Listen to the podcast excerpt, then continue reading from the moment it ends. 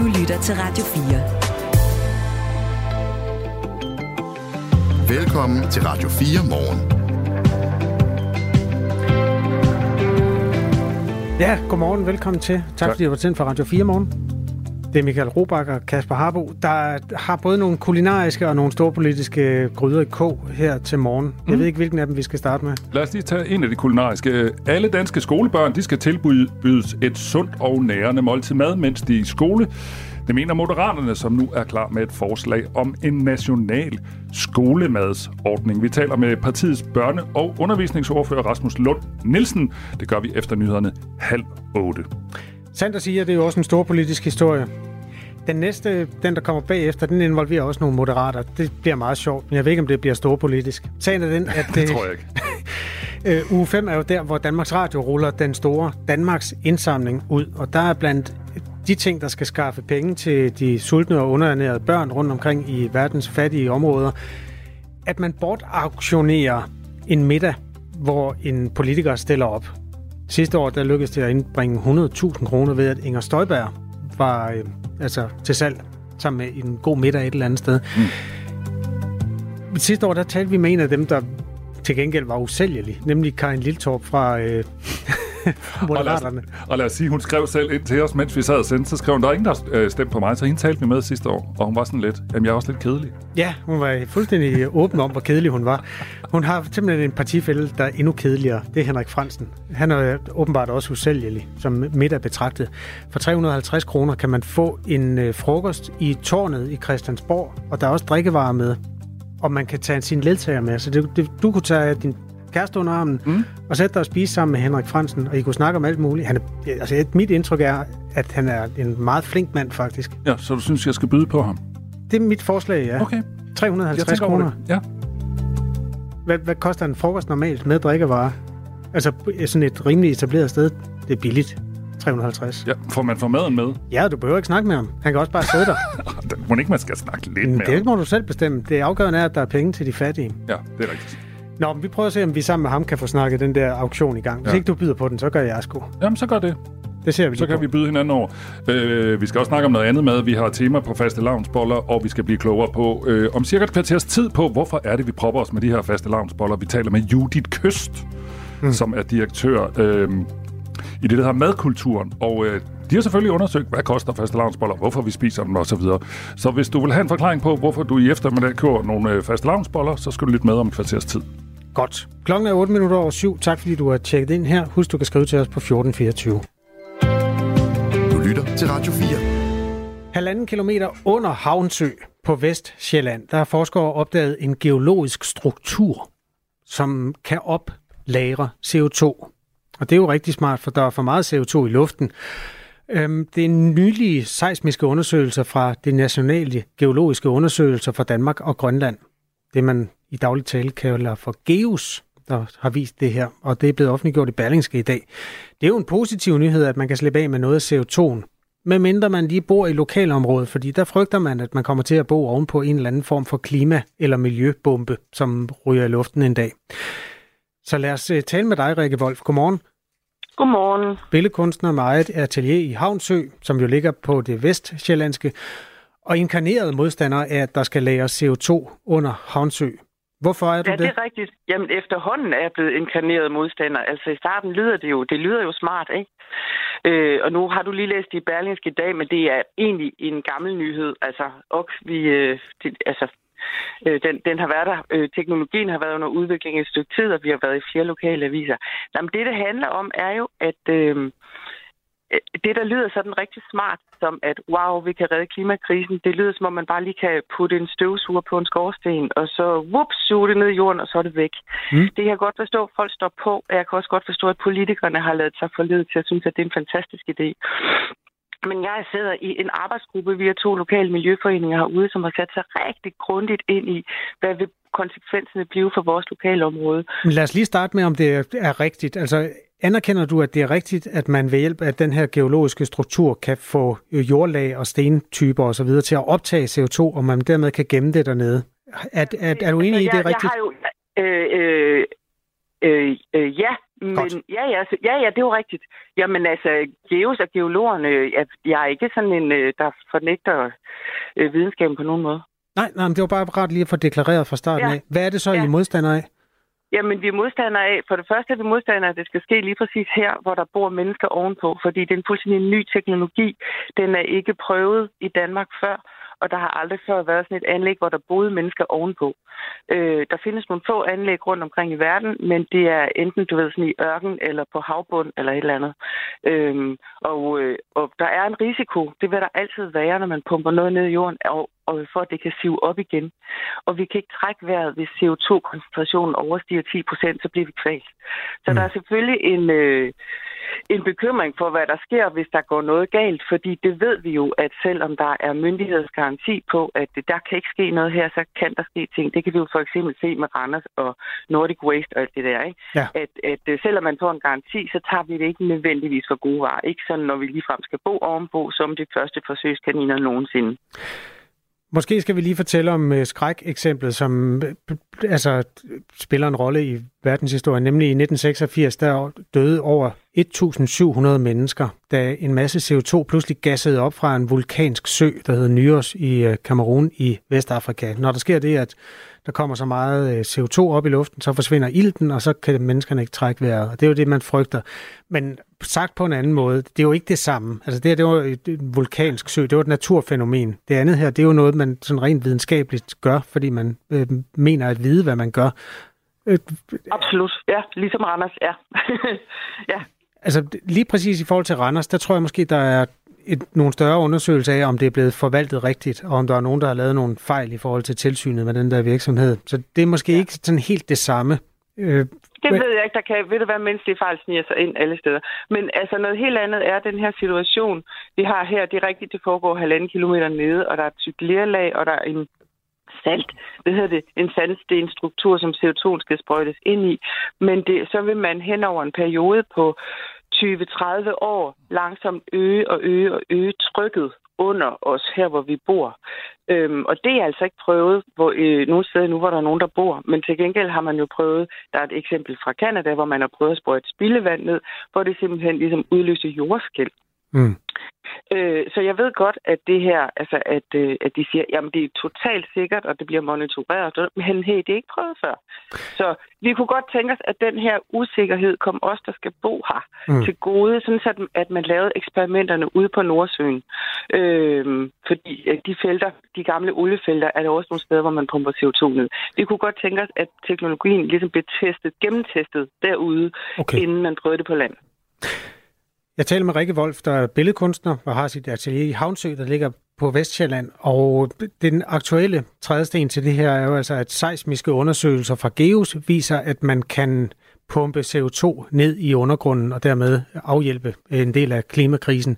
Havnsøegnen er sammen med fire andre områder i landet udpeget som særlig velegnet til at løse en væsentlig del af Danmarks og i virkeligheden dermed hele verdens klimaudfordringer. Hvis ikke Danmark ved senest årtiets udgang bliver i stand til at lagre store mængder af indfanget CO2, så kan man ikke leve op til de her klimamålsætninger, som hedder, at man skal reducere med 70 procent i forhold til, hvad man lukkede ud i 1990. Geologernes klare forventning er, at drivhusgassen bliver permanent dernede, indkapslet af et tykt overlæggende lerlag. Ifølge forløbige vurderinger kan sandstenslaget huse omkring 300 millioner tons CO2. Det svarer til syv år af, altså syv, syv års udledning her i Danmark. Øh, Rikke Wolf, er der ikke en lille bitte fli af din sjæl, der er glad for, at øh, det her kan lade sig gøre? Jo, hvis jeg troede på teknologien, jo, selvfølgelig, fordi jeg ville også rigtig gerne være med til at redde klimaet. Øh, men, øh, men, og så alligevel ikke, for jeg synes, det er en rigtig dårlig løsning. Altså, fordi sagen er jo, at øh, lageret herude ved Havnsø er så stort, at regeringsplaner er, at vi også skal importere CO2 fra resten af Europa. Øhm, så i virkeligheden så frygter jeg jo, at den her teknologi kan være en form for invitation til business as usual. Altså at man ikke reelt gør noget ved problemerne med, at vi afbrænder så meget øh, fossilt. Øhm, fordi man vil ikke stille krav til den CO2, der så skal importeres fra Polen og Tyskland om, hvor det kommer fra. Så det kan sagtens komme fra de kulkraftværker dernede. Øh, så jeg synes, det er en lidt ærgerlig form for lappeløsning, og at man ikke gør... Altså, vi har jo vidst det her i 30 år, vi skulle gøre noget ved det, og så nu lige her op mod 2030, så kommer man op med den der, ups, vi fanger det hele i 20 i stedet for, at man skulle have lagt landbruget op, man skulle have lagt øh, byggeriet op, man skulle have gjort noget med transporten, alt det der, man egentlig skulle have gjort. Så jeg synes, det er en form for quick fix. Men hvis nu det er rigtigt, det der quick fix, at det faktisk fikser tingene kvikt, så er det jo øh, trods alt bedre, at man kan drive samfundet på en måde, som man hele tiden har gjort. Kan man ikke anvende det synspunkt også? Jeg synes, det er meget kortsigtet tænkt. Altså, at vi generationer har postet CO2 ud i atmosfæren og set på noget at ups, det er ikke så godt. Når man så er det nok bedre, at vi putter det ned i jorden. Jeg er simpelthen bekymret for, at man ikke altså reelt kigger på, hvad er det med vores livsstil, der smadrer omgivelserne omkring os. Altså den jord, den klode, vi skal bo på som menneskehed. Så jeg har nogle meget længere et meget længere perspektiv på, så når du spørger mig, så siger jeg, at det kan da godt være, at vi lige kan fikse noget for os her nu de næste 10 år. Men jeg synes faktisk, det er lidt snævert. Rikke Wolf, tak fordi du vil være med. Det var så lidt. Bille... Fortsat god dag. Ja, tak skal du have. I lige måde. Billedkunstner med eget atelier i Havnsø på Vestjylland og inkarneret modstander af et stort CO2-lager halvanden kilometer nede i undergrunden under sig. Du lytter til Radio 4. Måske fordi du altid holder den mulighed åben, at det også kan være dig, der tager fejl. Radio 4. Ikke så forudsigeligt. Jeg har introduceret en quiz, øh, som hedder Kan du kende stemmen? Jeg synes, den skifter navn hver eneste dag. I går hed den noget andet, men lad nu det ligge. Altså stemmekvisten. Stemmekvisten. Ja. Og øh, lejen er simpel. Jeg spiller et kort klip med en kendt dansker, og så skal du gætte, hvem det er. Og du, det er i den her sammenhæng både mig og så det menneske, der hører radioprogrammet. Fordi hvis jeg ikke kan svare, så er der mulighed for at vinde en øh, legendarisk kop. I går udstedte vi hele to. Ja, fordi der var nogen, der skrev på, altså på decimalerne samtidig, og det var Birgitte Hjort Sørensen, skuespilleren, du ikke kunne gætte i går. Men øh, nu øh, har Fremad. vi tre nye stemmer. Fremad mod nye øh, sejre Er og klar? nye kaffekopper. Jeg er fuldstændig klar. Første stemme kommer her, du skal bare fortælle mig, hvem det er. at jeg forsøger at, at følge med i, hvad der sker, og hvilke Pernille diskussioner, Vermund? der rører ungdommen for eksempel. Er det ikke og, Pernille og hvad der ligesom sker både Det er en politiker. kulturelt og mest i musikken, og hvad der sker i verden, og hvilke diskussioner, der rører på sig. Det var ikke Pernille Vermund. Nå, men så kan jeg simpelthen ikke øh, den første. Du får lige lidt af den igen, så. Okay. Så, kan, så kan lytterne også lige være med, og hvis, hvis ikke du klarer den, Ja, og den første, der skriver ind på 1424, vinder. en kop. Ja, et Godt. legendarisk øh, termokop. Radio 4 termokoppen. Ja. Øh, så vi spiller den lige igen, øh, både for dig, Kasper. Jeg synes stadigvæk, du er med, Mm, øh, tak. også for lytterne. At jeg forsøger at, at følge med i, hvad der sker, og hvilke diskussioner, der rører ungdommen for eksempel, og, og hvad der ligesom sker både kulturelt og... Nå, ja, for helvede. Nu er svaret kommet Hvad ind. der sker i verden. På sms, der står kort og godt torning. Ja, det er da hele Torning. Ja, undskyld øh, til alle dem, der føler sig krænket Åh, af der den er misforståelse. allerede 1, 2, 3, 4, der har skrevet... Øh... Endetal 69 var den første. Yes, og den, der skrev Mette Thiesen, Tag fejl. tager fejl. Hold da op, nu vælter det ind. Okay, hvad du ikke kan, det kan lytterne, men... Ja. Ja, er du klar til næste? Fuldstændig. Nej, men seriøst, øh, du der banker der bare et hul igennem med væggen. Der er jo, det er jo mursten. Og så banker du et hul i væggen, og så sætter du en kattelem i der. Og den er jo så, så høj, så når den går ud, så går den ud på den trappe, der, Er det der Nikolaj. Kopernikus? Skuespilleren. En gang til. Nikolaj Kopernikus. Nå. Nej, jeg har den sgu stadig. Du har den sgu stadig. Det er rigtigt. Okay. Det, okay, jeg troede faktisk, det var den sværeste, også fordi jeg havde fundet et klip. Jeg har været inde og rode i nogle af vores gamle programmer, og jeg har fundet et klip, hvor han snakker om en kattelem, så jeg tænker, at det ville sende dine tanker et helt andet sted hen. Det gjorde det ikke. Det gjorde Øh, er det fra det sidste måltid? Ja. Ja, ja lækkert. Sidste, ord, øh, sidste stemme Ja, tak. kommer her. På et tidspunkt her som voksen fandt jeg den lille mm. røde. Begyndte at læse de der citater, fik nærmest nogle helt skøre flashback. Jeg tror, min far sidder og læste det op for mig. Og fordi det var bare det, var bare det der var fremtiden, og det rigtige, det var bare mave til sang og kollektiver. Mm-hmm. Dit ansigt er et stort spørgsmålstegn. Ja, den synes jeg er lidt sværere, hvis jeg skal være helt ærlig. Igen nu. Mm. Jeg tror, der er to i dag, jeg ikke kan, men du må gerne spille den en ekstra gang for prins Knud, og så kan folk jo allerede nu skyde sms'en ind på nummer 1424. Du var ikke... Nå, du, kigger du? Øh, nej, jeg, jeg, Kigger jeg ikke. kigger ned i kullet. Jeg kan, jeg kan love dig, øh, lytterne ved godt, hvem det er. Nå, Kig skamfuldt ned, mens du lytter. På et tidspunkt her som voksen fandt jeg den lille mm. røde. Begyndte at læse de der citater, fik nærmest nogle helt skøre flashback. Jeg tror, min far sidder og læste det op for mig. Og fordi det var bare det, var bare det, der var Jeg har lige fået en sms fra Jan Skovby, der er chefredaktør på Aarhus Stiftstiden. Han skriver, Sara Beo, Sara Beo, det kan vi sige til Jan Skovby, det er ikke Sara Beo. altså Sara Bro. Ja, prøv at høre. Altså, det er væltet ind med sms'er. Og øh, alle har skrevet Sara Bro. De er klogere end dig. Ja, meget, det vidste jeg godt. Nej, der var en, der skrev Mia Lyne. Er det Mia Lyne? Nej, det er Sara Bro. Okay, hvem, er den første, der skriver Sara Bro i Skorby, han kan ikke vinde. Øh, Det er, første, der skriver ind, det er... Øh, Endetal 84. okay, Okay. Øh, det er sgu en meget fed quiz, Jan. Eller Jan, må jeg kalde dig Jan. Nej, helst ikke. Michael Robach, det er en meget fin quiz, du har introduceret der. Folk er dygtige. Ja, og øh, folk får lige den her. Den er ikke så meget til dig. En, Nej. ud, en ud af tre. Ja, det er det.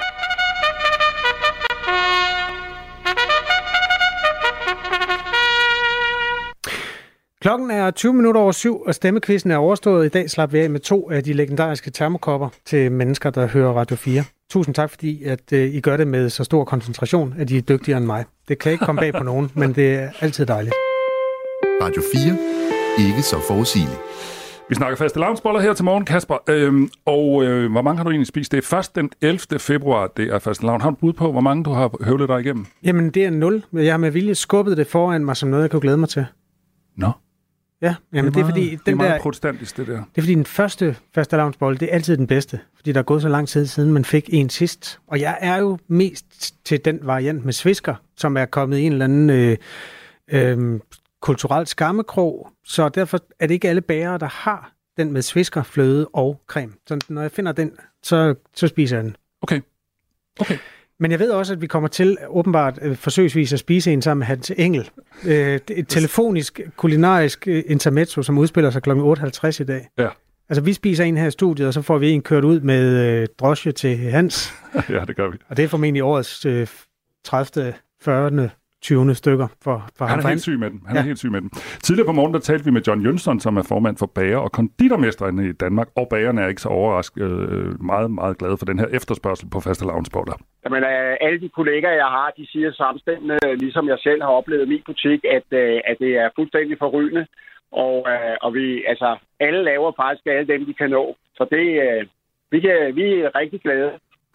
John Jønsson her, bagermester, han er rigtig glad. Nu skal vi tale med Judith Køst, som er direktør i Madkulturen, som er en videns- og forandringsorganisation under Fødevarestyrelsen. Det var et langt navn. Godmorgen, Judith. Godmorgen. I har faktisk undersøgt øh, fastelavnsbollens øh, popularitet og meget andet. Hvor populær er den egentlig? Den er rigtig populær. Øh, og den er blevet rigtig populær de sidste, lad os sige, fem år. Øh, for fem år siden var det måske 4 ud af 10, der købte en øh, fastelavnsbolle i, i, i forbindelse med øh, fastelavn. Og nu er det 80 procent. Altså, det er jo mere end en fordobling øh, på de her 4-5 år. Mm.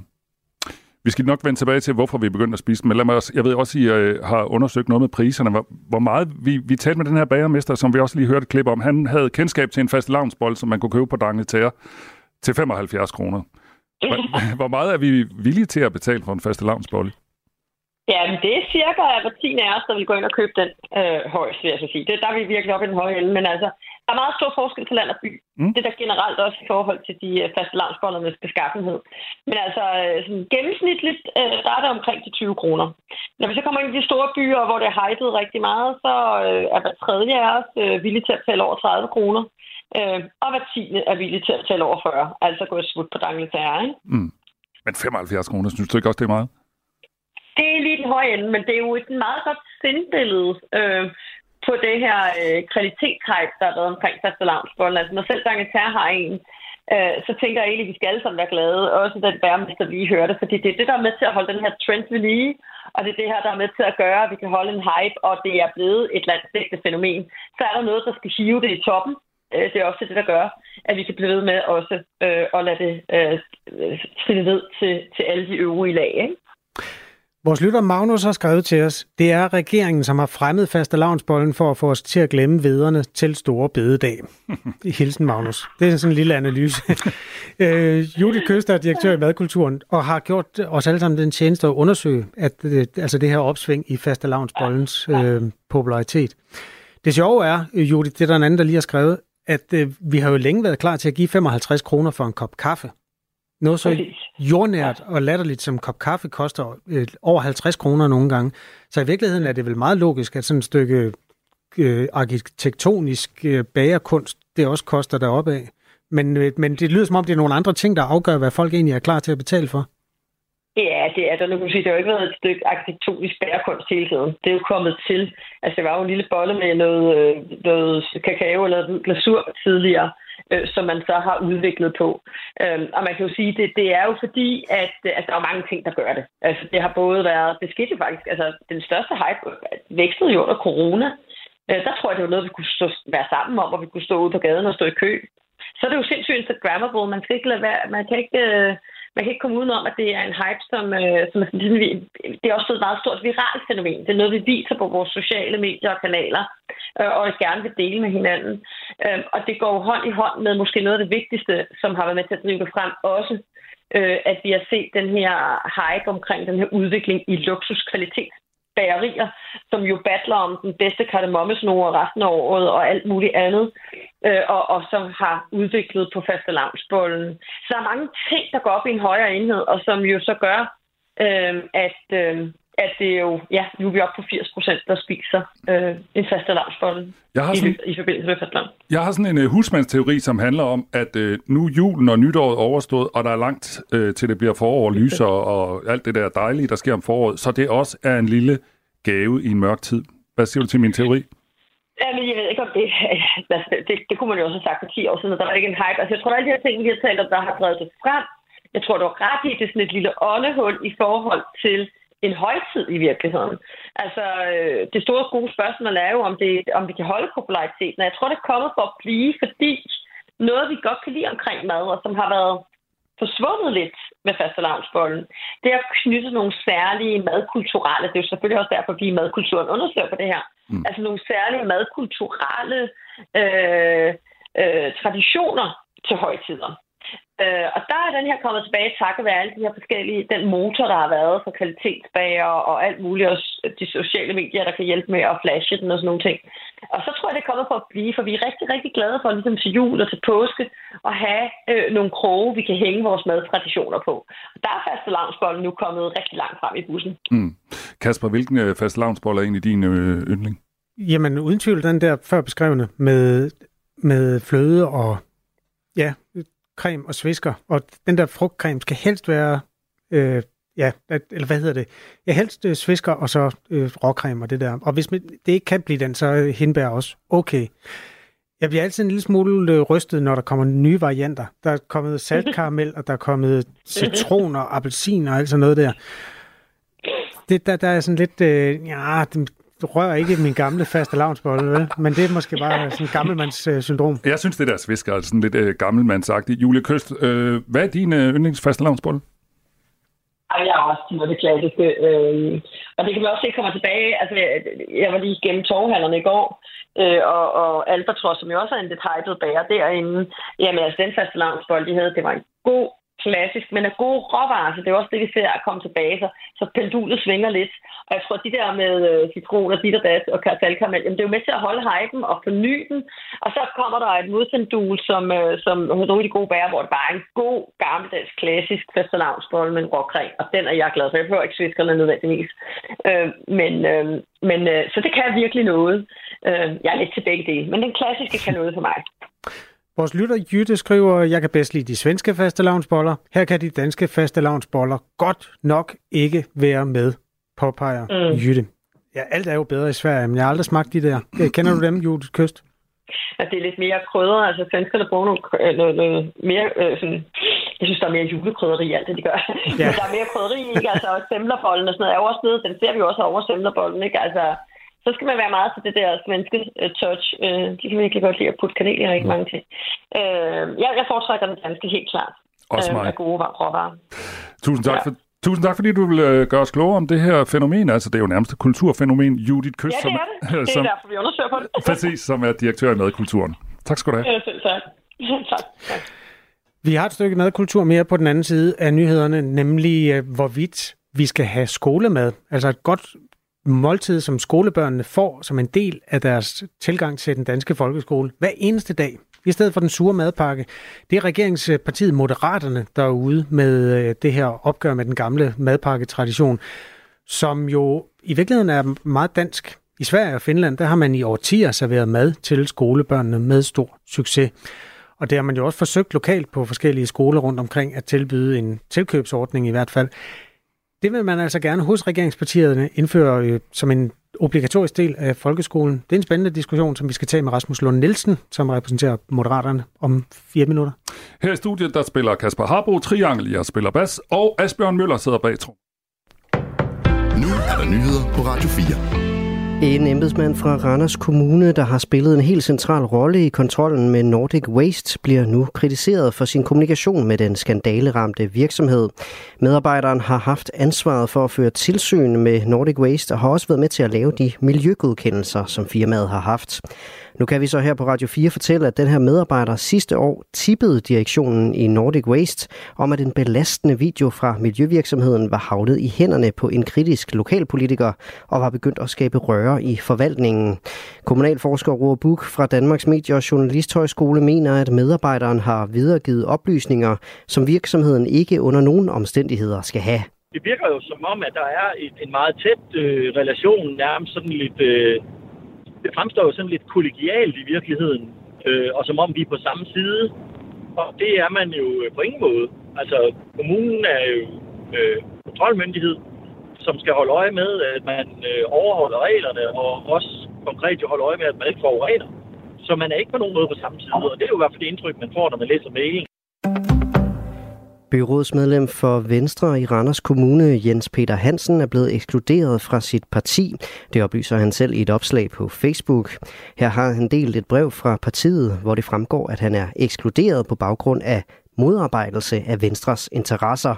Til Randers Amtsavis fortæller partiets lokalformand i Randers, Ulla Jensen, at Jens Peter Hansen ikke har fulgt partiets linje ved en række episoder, blandt andet i forbindelse med nylige udtalelser i sagen om Nordic Waste. Han har blandt andet taget virksomhedens ledelse i forsvar og sagt, at Nordic Waste ikke har gjort noget galt. Omkring 300 personer er blevet såret, og to er omkommet i en stor brand, der er forårsaget af en gaseksplosion i Kenyas hovedstad Nairobi. Det oplyser Keniansk Røde Kors ifølge nyhedsbyrået AFP. De koordinerende handlinger fra flere udrykningsenheder har resulteret i, at 271 personer er blevet evakueret succesfuldt til forskellige hospitalsfaciliteter i Nairobi, skriver Røde Kors på det sociale medie X. Desuden modtager 27 personer behandling på stedet. Adskillige mennesker har mistet livet i den amerikanske delstat Florida, hvor et mindre fly er styrtet ned i et mobile home på en plads i byen Clearwater. Det oplyser byens brandchef på et pressemøde. Brandchefen fortæller, at alarmcentralen i byen fik en anmeldelse kl. 19.08 lokal tid om en brand på pladsen. På samme tid indløb der anmeldelse om, at et fly, som var gået i luften fra St. Pete Clearwater Lufthavn, havde problemer i luften. Lufthavnsoperatørerne havde mistet kontakten til flyet knap 5 km fra landingsbanen. Ilden blev slukket efter, at tre mobile homes havde lidt betydelig brandskade, og vraget af flyet blev fundet i et af de ramte mobile homes. Medlemmerne af det regionale parlament i Nordirland skal mødes for første gang i to år. De skal forsøge at danne en regering, der kan genoptage den traditionelle magtdeling.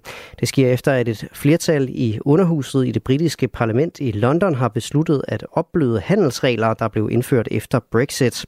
Blandt andet at varer kan passere frit mellem Storbritannien og Nordirland. Nordirland har været uden en egentlig regering i næsten to år, efter at partiet DUP afbrød samarbejdet med partiet Sinn Féin i protest over de regler, der skulle virkeliggøre Brexit, altså Storbritanniens udmeldelse af EU. I dag overskyet med lidt let regn til hele landet vestfra, men i løbet af eftermiddagen opholdsvejr de fleste steder og temperaturer op mellem 5 og 9 grader. Det var nyhederne på Radio 4 med Asbjørn Møller. Det her er Radio 4 morgen. Husk, at du kan sende os en sms på 1424. Godmorgen. Det her er Radio 4 morgen med Michael Robach og Kasper Harbo. Det er fuldstændig rigtigt. Vi skal snakke om uh, politikerauktion om ikke så længe, Kasper. Hvordan er det nu der? Ja, der er en usælgelig mand, der hedder Henrik Fransen. Han er gruppeformand for øh, Moderaterne. Det koster 350 kroner at øh, spise frokost med ham i tårnet øh, på Christiansborg. Og det er altså en frokost, hvor du får mad. Det ligger i fænomenet med drikkevarerne også med. Henrik Fransen er med i prisen. Altså, og, altså 350 kroner for sådan en etableret frokost. Det tror jeg simpelthen ikke, øh, en frokost uden Henrik Fransen kan gøres for. Og det er i forbindelse med Danmarks, øh, Danmarks indsamling, man kan komme ud og spise med de her politikere. Sidste år, der lavede vi også den her historie, og så fik vi en sms undervejs fra en politiker, som skrev til os, jeg har også sådan en. Der er ingen, der vil købe mig. Nej, hun var fuldkommen usælgelig. Karin var Men faktisk hun havde, hun havde godt humør. Ja, det du lige høre. Jamen, det forstår jeg jo virkelig heller ikke. Og tak, fordi du spørger på den måde. Fordi et eller andet sted er, er det jo selvfølgelig ydmygende. Jeg har endda sagt til min mand, om han ikke kunne gå ind og byde for at få den en lille smule op. Men, øh, men, men det havde han åbenbart heller ikke nogen interesse i. Okay, det er jo kedelig Ja. type, du. Hende har vi med igen, ikke også? Jo, øh, vi skal lige høre, hvordan den egentlig endte, den der. Det er også po- potentielt en, en lille ægteskabelig krise, når ikke engang ens mand gider give 350 kroner for at komme på Michelin-restaurant med en. Ja, så det bliver sådan set meget sjovt, når vi skal tale med de moderater. Men inden da skal vi være lidt mere alvorlige. Sammen med en anden, eller tredje bliver det så. Moderat. Det her er Radio 4 morgen. Alle børn og unge i den danske folkeskole skal tilbydes et godt måltid mad hver dag, det mener regeringspartiet Moderaterne. Og i Danmark har vi nemlig sådan en rigtig madpakketradition, mens man i Sverige og Finland i årtier har serveret mad til skolebørnene med ret stor succes. I Læsø Kommune har man netop fejret etårsdag for en forsøgsordning, hvor alle 130 elever på Læsø skole får gratis skolemad, og her er der altså kun positiv ting at sige. Det fortæller øh, skoleleder, øh, der hedder Henrik Mogensen. jeg ser, at vores unge mennesker, de, øh, de, de, de er mere holdbare. Når vi har de lange skoledage, så kunne vi tidligere sådan fornemme, at ah, nu begyndte de at blive en smule træt, og, og, og, og, og nogen havde måske haft en madpakke med, som, som var lige lille nok. Øh, det, der sker det, ved, at man får et, et godt måltid varmt mad, det er jo, at man bliver mere langtidsholdbar. Man kan, man kan sådan set øh, holde til dagens strabasser øh, på en bedre måde. Det, det, det ser jeg som en, en, en meget vigtig ting. Og så ser jeg også, at vi øh, måske undgår en del konflikter ved, at man, når man sidder og spiser sammen øh, i, i en fælles gruppe der, så passer man måske mere, på hinanden, når man så også er ude i frikvarteren. Øh, det er også en, en, en, en, en, win-win-situation øh, øh, i forbindelse med den her spiseordning. Og så får vi nogle stunder unge mennesker. Sådan sagde altså skoleleder Henrik Mogensen fra Læsø Skole. Nu skal vi tale med Rasmus Lund Nielsen. Han er børne- og undervisningsordfører for Moderaterne. Godmorgen. Godmorgen. Hvorfor kommer I med det her forslag om skolemad? Jamen, vi vil gerne indføre skolemad, fordi det er et, et ret effektivt værktøj til at mindske den store ulighed i sundhed, som der er i dag. Og så vil vi gerne give en bedre chance til de børn, som typisk kommer fra lavindkomstfamilier, og som ikke får mad med i skole, eller får mad af ringe kvalitet med.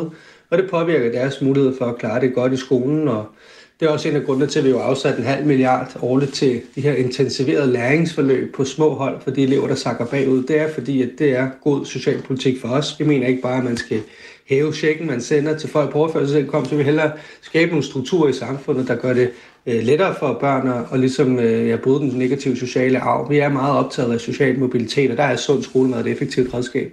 For eksempel, hvis jeg lige må nævne en sidste ting, så viser et studie, at det faktisk også øger livsindkomsten for børn af lavindkomstfamilier med 6 procent. Det synes jeg, der er ret markant. Du lyder som om, at Moderaterne er blevet et socialistisk parti. Ja, men jeg synes ikke, der er noget socialistisk over det her. Det er jo egentlig bare at sige, at der er nogle klare strukturer, der, der påvirker nogen negativt. Det er jo ikke sådan, at vi vil hæve skatten øh, betragteligt ved det her. Det er jo også derfor, vi lægger op til, at der kunne være en del af det, der var øh, egenfinansieret, sådan så at man, øh, man ikke skulle samle hele regningen på 2 milliarder op, tror jeg det cirka er opgjort til øh, via skatten, men at noget af det bliver øh, via egenbetaling. Så på den måde er det ikke socialistisk, men det er da helt klart en håndstrækning til nogle af dem, der, der ikke kommer fra de bedste kår. Det var også mest øh, øh, ment sådan lidt drillende, men I vurderer, som du også lige sagde, at sådan en landsdækkende ordning med skolemad vil koste mellem 2 og 3 milliarder kroner årligt. Og så sagde du, at der skal være noget egenbetaling. Så det, der findes jo skoler i dag, hvor man kan købe mad og sådan noget. Så altså, for det første, hvor meget skal man selv betale, og hvad er det nye?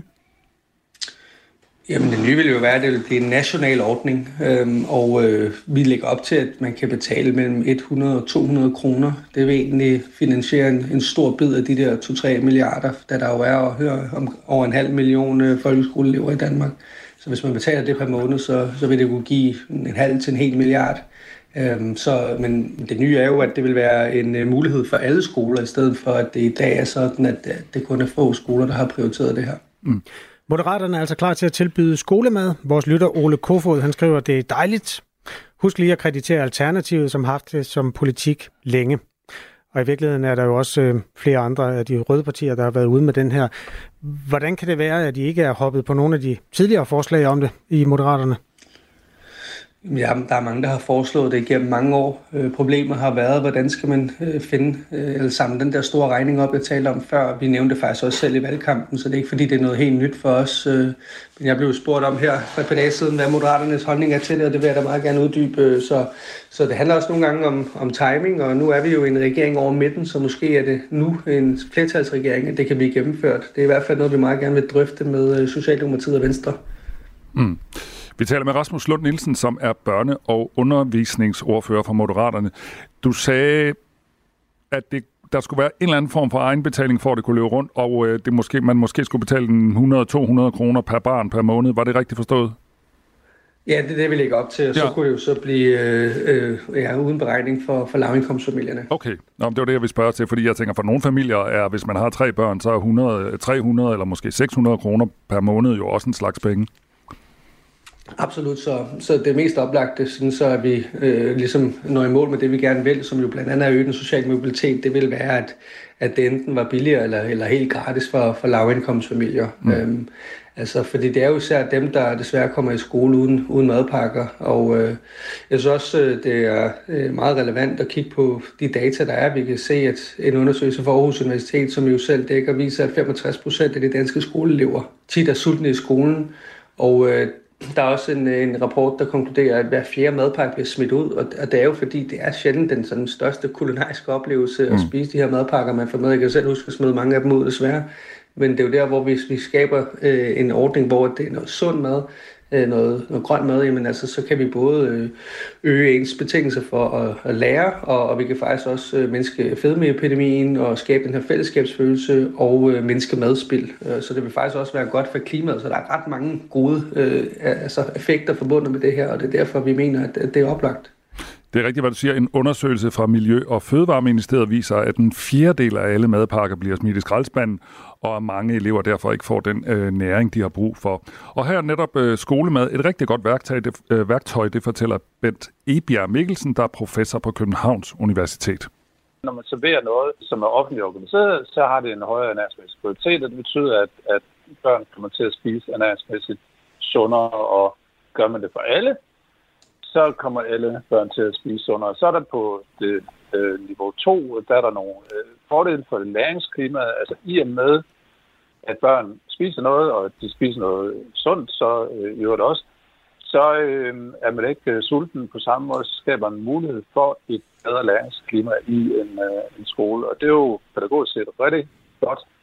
Punkt 3 er der øh, ideen i, at når man gør noget kollektivt, alle gør det samme, alle spiser det samme gode, sunde øh, måltid, så øh, har det en tendens i, i, i, i at modvirke den sociale ulighed. Det bliver simpelthen for alle rigt, som rettighederne har sagt.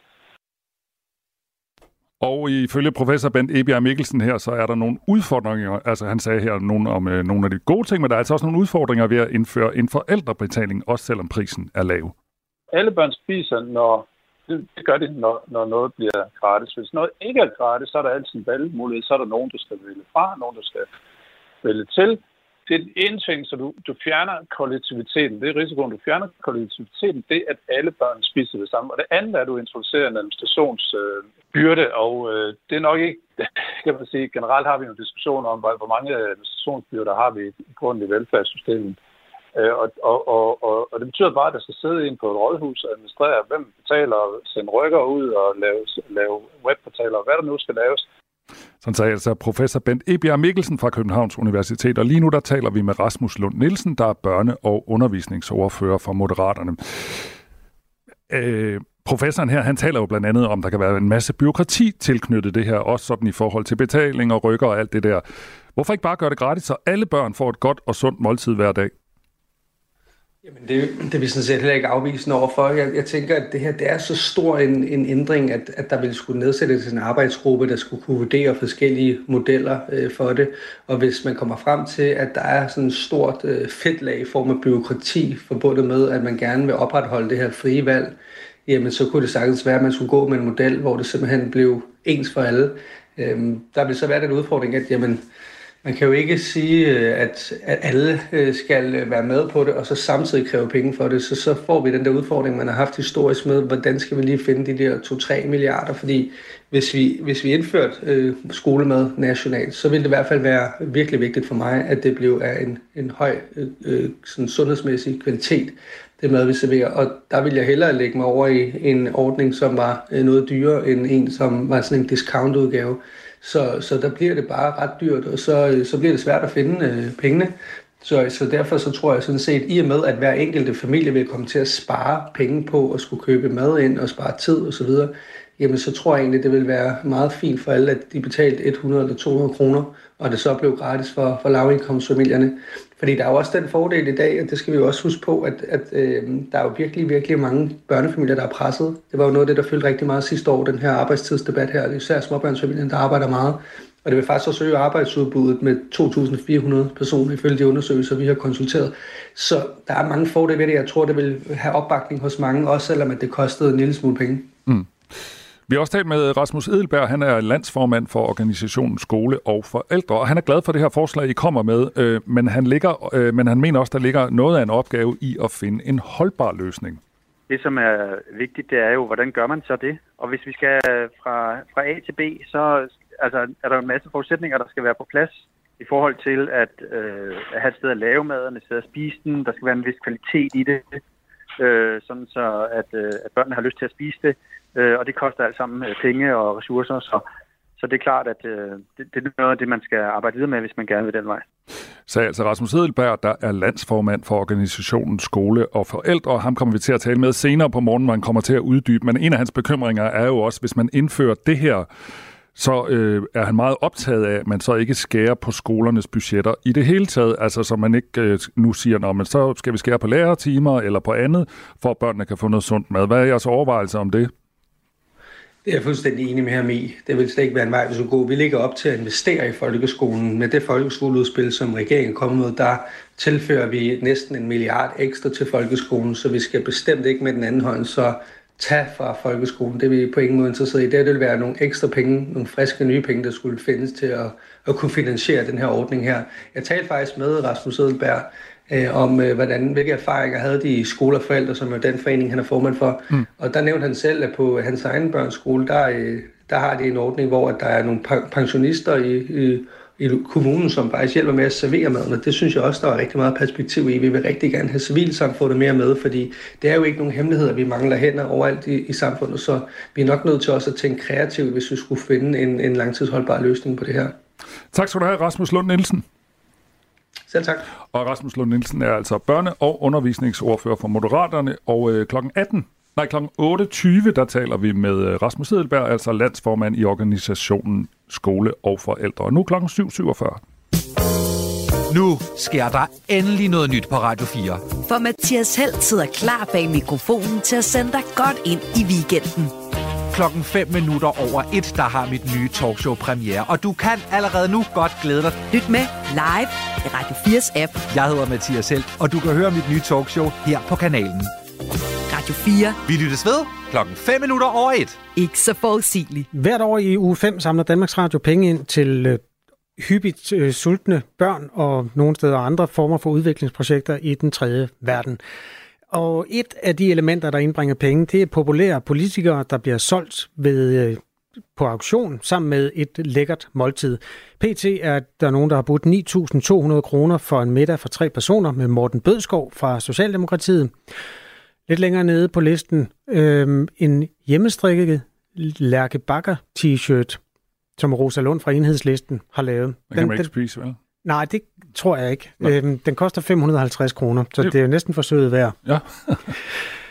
øhm, ja, de her penge de går så ubeskåret til Danmarks indsamling og verdens sultne børn. Sidste år der øh, var der jo nogen, der gav 100.000 for at spise med Inger Støjberg. Nej, vent lidt, det var i 2019. Det er sådan lidt lige meget. Det er på restaurant Lumskebugten. En tur derind med Danmarks Demokraternes stifter, som dengang i øvrigt vist var med i Venstre. Mm. Nå, men altså, toppen er jo altid interessant på lister, og det er bunden også. I sidste år, der var der en af dem, der lå nede i bunden, der faktisk var så desperat, hun skrev til os, Karin Lilletorp fra Moderaterne. Hun øh, var til salg under følgende øh, overskrift. En frokost inklusiv drikkevarer for to personer fra med Karin Lilletorp fra Moderaterne på Gastronomi, der ligger i Rigskov i det nordlige Aarhus. Der var ingen, der bød. Men vi snakkede lige med hende. Jamen, det forstår jeg jo virkelig heller ikke. Og tak, fordi du spørger på den måde, fordi et eller andet sted er, er det jo selvfølgelig ydmygende. Jeg har endda sagt til min mand, om han ikke kunne gå ind og byde for at få den en lille smule op, men, øh, men, men det havde han åbenbart heller ikke nogen interesse i. okay, det er en kedelig type, du er gift med. Sådan lød det altså sidste år. Karin Liltop, hvordan endte det egentlig? Jamen, det endte jo faktisk med, jeg ved ikke, om det var via jeres glimrende program, at der var nogen, der gik ind og bød på mig, og jeg blev solgt for, jeg tror endda, det var over 2.000 kroner. Nå, det var godt. Okay. Så, så det var jo det var jo meget flot. Det var den fjerde statsmagt, der blandede sig der. Ja, jeg, vil, jeg vil gerne sige, at jeg havde en helt fantastisk middag med en mand, der faktisk også øh, gerne vil snakke om døden og mening med livet og det hele, så, så, så det, jeg er sikker på, at han også synes, han fik noget for Gud penge. ja, det var det, du solgte dig selv på. Du gerne vil tale om døden og mening med livet, og det var det, som vi også blev enige om. Det var måske ikke det stærkeste selling point. Altså, det, det virker heldigvis for nogen. Det kan Okay. godt være, at den niche, der elsker at snakke om døden, er, er mindre, end man regner med. Men når man så finder de rigtige mennesker, så er det der, man kan få nogle helt fantastiske samtaler. Det vil jeg anbefale for andre at prøve. Karin Lilletorp er ikke til salg i år, men det er Henrik Fransen, medlem af Folketinget for Moderaterne. Og øh, prisen er 350 kroner. Har du mødt Henrik Fransen, Michael? Nej, ikke øh, face to face, men vi har, jeg har interviewet ham en del gange her i Radio 4 i morgen. Han er jo ret flink til at stille op, og han virker jo som en meget flink og fremkommelig mand, og som i øvrigt svarer på en spørgsmål. Det sætter vi jo altid pris på. Jeg har mødt ham face to face, øh, da vi åbnede Folketinget sidste gang. Han er enormt høj og øh, også enormt flink, faktisk. Okay. Øh, det står her, han er søn af nogle et gårdejerpar, og ja, så står der en masse andet. Det- Jeg hæfter mig vist ved det sidste. Altså, prisen er pt. 350 kroner. Denne vare er en oplevelse og kan derfor ikke fortrydes. Nå for fanden. Altså, du kan simpelthen ikke... Oplevelser kan ikke fortrydes. Det stiller jo et krav til Henrik Fransen. Godmorgen, Henrik Fransen. Ja, godmorgen. Hvordan har du det med, at du ikke er blevet solgt endnu? Jamen, øh, det er da selvfølgelig lidt bekymrende, det vil jeg gerne sige. Øh, nu kunne jeg så høre, at øh, Karin, hun fik jo så solgt sin, sin, sin middag, efter at hun havde været i jeres fantastiske program her. Så jeg tænker jo, at der måske sidder en, en enkelt lytter, eller måske flere lyttere derude, der, der, der tænker, hold da fast, her kan jeg godt godt kub, så jeg er stadigvæk fuld af fortrøstning. Jeg vil faktisk sige 350 kroner for en frokost, inklusiv øh, at man tager sin ledsager med. Det er ikke alle frokoster, der kan gøres for det. Det er i tårnet på Christiansborg. Jeg logger ind nu, og så byder jeg 350 kroner for det. Øh, Så tager jeg min dame med, og så skal vi sidde. Jeg ved ikke, om vi gider snakke med dig, Henrik, men det er sådan set lige meget, fordi pengene det, altså, dækker jo frokosten og drikkevarerne. Og så det har, du- du har vel noget, du skal tjekke på telefonen imens. Jamen, jeg tænker jo, jeg tænker jo, at I er nok tvunget til at sidde ved samme bord som mig. okay, nu, skal, nu skal du være sød, Kasper. Ja, om I kan klare. Det kan da godt være. Henrik Fransen, hvad, hvad er egentlig din, sådan, når du ikke taler politik, hvad er så dine yndlings øh, samtaleemner? Jamen, nu taler jeg jo rigtig meget politik, men altså, jeg har jo, jeg har jo beskæftiget mig, altså indtil for to-tre år siden, der var jeg faktisk vinavler. Der havde jeg sammen med nogle gode venner, der havde vi jo været så lidt sindige og, og starte en vinavlerforening op, og vi havde faktisk 600 planter, der gik billigst for sig. Øh, Vi fik produceret rigtig meget vin, der, der, der kunne drikkes. Jeg vil så sige, at uh, samtidig med, at uh, man producerer vin, så kan man sagtens købe vin også. Uh, uh, fordi at man skal sådan måske lige variere det lidt. Så. Men det kunne drikkes. Nå. Og uh, rødvinen var måske lidt sværere at drikke end, uh, end hvidvin. Det lykkedes faktisk at, at producere sådan en habil hvidvin, som vel egentlig... Jeg, jeg synes faktisk, den smagte ganske udmærket. Nå, men det er da sådan set et meget godt konversationspunkt, det der. Altså, det er jo meget op i tiden at, at lave sine ting selv. Hvor mange var I om det der øh, vinprojekt? Jamen, vi startede faktisk med, med at være otte par. Og øh, jeg kom jo med, fordi at, øh, tænker jeg, at øh, det var mig, der havde noget jord, vi kunne... Jeg var landmand på det tidspunkt, så jeg havde noget jord, vi kunne, øh, vi kunne lave det på. Så var der en, en øh, politi, politimand med, så var vi sikre på, at øh, 12 og skat ikke kom forbi. Øh, så var der en, øh, en øh, der var sådan forskellige også en entreprenør med, så kunne vi jo få lavet alt jordarbejdet og sådan. Så vi havde vi sådan øh, øh, øh, udtalt de rigtige kompetencer til at være med. Ej, det passer så ikke. Det var alle sammen gode venner, der, der, der gik sammen. Og, og vi havde faktisk rigtig hyggeligt med det. Øh, der er meget arbejde i det. Altså man siger jo, en plante, det er en time per år, man skal, man skal arbejde på den. Det giver så til gengæld også en flaske per år.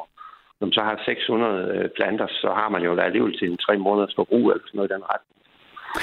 Henrik Fransen er udmærket til at konversere om vin, og det er derfor øh, højst overraskende, at ingen har budt de 350 kroner, som Danmarks indsamling har sat ham til salg for. Det er i hvert fald første bud. Det er auktionshuset Hørsholm, der driver den her, du skal bare google efter auktion, frokost, Danmarks indsamling, så finder du ham der.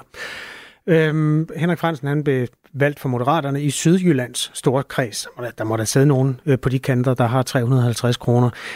Øhm, vi har også talt med Jens Henrik Thulesen Dahl, der er folketingsmedlem øh, for Danmarksdemokraterne. Han er PT øh, og helt op på 8.200 kroner. Han er også til salg. Øh, det er sådan middag inklusive drikkevarer på Alchemist, som er, er det ikke en uh, Michelin-restaurant? Åh, oh, det er helt vildt. Ja, ja, det er lige før, jeg tror, han har tre Michelin-stjerner. Det kan jeg lige google, mens vi hører ham. Okay. Øhm, vi spurgte ham, hvordan han har båret sig ad. Jamen, ved du hvad? Jeg har bare været super, super heldig. Øh, jeg har sådan set bare meldt ind, at jeg gerne vil deltage i det her, og at øh, Danmarks Indsamling måtte gerne finde en restaurant til mig. Og det har de gjort. Øh, og det håber jeg, der kan være med til, at vi kan samle rigtig, rigtig mange penge ind. Og det forløbet, så går det jo meget godt. Ja, nu prøver vi at se, om vi kan få solgt øh, dig, Henrik Fransen. Vi har også stadigvæk Karin Lilletorp med, din partifælde, som øh, i den 11. time sidste år blev solgt for et par tusind. Karin, det tager 100 år at oprette en profil på det der auktionshus, så det kan jeg simpelthen ikke øh, få gjort, mens vi snakker med Henrik Fransen. Men kunne jeg lokke dig til, at du byder 350 kroner for en frokost på Henrik Fransen, øh, med Henrik Fransen? Du må tage en, en ledsager med, og øh, jeg skal nok mobile pay dig de 350, hvis der ikke kommer andre bud. Jamen, det kunne, da være, det kunne da være meget hyggeligt. Altså, nu vil jeg jo sige, at jeg har jo glæde af Henrik i hverdagen. Jeg får faktisk nogle gange lov at spise frokost med ham helt uden at betale for det. Men, men øh, det vil jeg bestemt ikke være afvisende overfor. Godt, Jamen, så har vi da sat gang i den på den måde. Det var, det var vel ikke et ja, var det det? Nej, det, var, det er et trænet politisk øre, der. Ja eller nej, Karin Lilletorp? Altså, jeg, jeg ved ikke, om Henrik han vil synes, det var mindre ydmygende, at I prøver at tvinge en af hans kolleger til at byde på ham. Jeg er sikker på, at han godt kan sælge sig selv. Jeg er sikker på, at bare efter det her program, så øh, kommer budene ind i en lindstrøm. Så det var et nej. Øhm, jeg ved ikke, om vi skal... Øh, jeg har gjort lige et, et lille tip mere, fordi inden vi runder af, så har vi jo spurgt Jens Henrik øh, Tulsendal, om han kunne komme med nogle gode råd til dem, som PT er, har været lidt svære at sælge på Danmarks Indsamlingens øh, frokostauktioner her. Spidsøre. Det er jo svært, men altså, man kan jo starte med at være rigtig heldig i den restaurant, man får, får peget ud, så hjælper det jo gevaldigt. Øhm, nej, så må man jo prøve at gøre lidt reklame for det her, fordi det, det dybest set handler om, det er jo, at vi gerne skal samle nogle penge ind til Danmarks indsamling. Øh, og det, jeg synes, det har jeg været prøvet de andre år, og ligesom gøre opmærksom på, at kom der og støtte en god sag, øh, og så få en hyggelig middag samtidig med. Det, det, det tænker jeg da. Det har der været nogen, der har synes hvert år trods alt, at det har været det værd. Ja, jeg fik googlet lidt, mens øh, han snakker. Han har altså også været heldig, fordi han har fået en rigtig, rigtig, rigtig god restaurant. Det er Alkemist. Øh, han skal invitere en ud på, at den har to Michelin-stjerner, så tror jeg altså, maden, om ikke er god, er i hvert fald super spændende. Henrik Fransen, du skal op i restauranten i øh, tårnet på Christiansborg. Hvad er det for en restaurant? Har du været der? Nej, jeg har faktisk ikke været der. Jeg har, jeg har hørt om den, øh, og selvfølgelig også øh, vidste, at den var der. Jeg kan se, at der går en pil, der peger op også, når man går forbi. Øh, så jeg glæder mig til at opleve den. Til gengæld har jeg hørt nogen, der har været op og spise der, og det skulle være en oplevelse.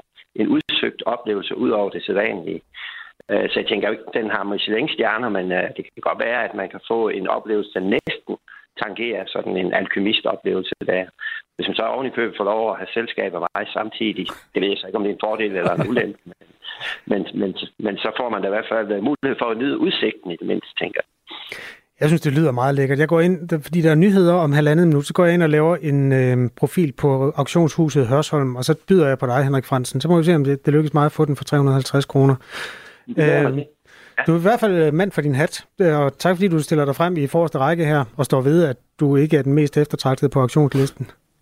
Jamen, man må bare erkende sin, uh, sin skæbne. Altså, når det er det jo ikke. ha' det godt, Henrik Fransen. Ja, velkommen. Tak lige meget. Tak, og tak til dig, Henrik. Øh, ikke Henrik. Karin Lilletorp, for himlens skyld, som altså i den 11. time sidste år blev solgt for et par tusind. Jamen selv tak. En god dag. Øh, telefon skal jeg oprette her, Jamen, og så siger e-mail. Jeg, okay, jeg så siger, mens du lige opretter, så kan jeg sige, mm. at det, det her, det handler jo om at samle penge ind, og hvis man nu har lyst til at se det her indsamlingsshow, så er det på lørdag. I det i morgen. Ja. Klokken 19 på DR1, og øh, den her auktion på Henrik Fransen, så den slutter 20.30 lørdag. Så du kan nå det, Kasper, men øh, vores lyttere kan også nå det, hvis de vil ud og spise med Henrik Fransen. Ja. Og en anden politiker, der heller ikke er så eftertragtet, det er en, der hedder Jens Peter Hansen. Han blev smidt ud af Venstre i går, og er dermed løsgænger i Randers Byråd. Han har været glødende forsvarer for Nordic Waste, og det har til synligheden været dråben, der fik bære til at flyde over, og fik øh, Venstre på de kanter til at smide en af deres egne ud. Det er jo lokalpolitik, og det er måske mest interessant for folk i området. Bortset fra, at det handler om et meget stort nationalt anlæggende, nemlig altså den her potentielle forureningskatastrofe ved Nordic Waste, og om man har retten til at tage virksomheden i forsvar. Så det bliver meget interessant at tale med ham om 10 minutter. Nu skal vi høre fra Asbjørn Møller. Klokken er nemlig blevet 8. Du har lyttet til en podcast fra Radio 4. Find flere episoder i vores app, eller der, hvor du lytter til podcast. Radio 4. Ikke så forudsigeligt.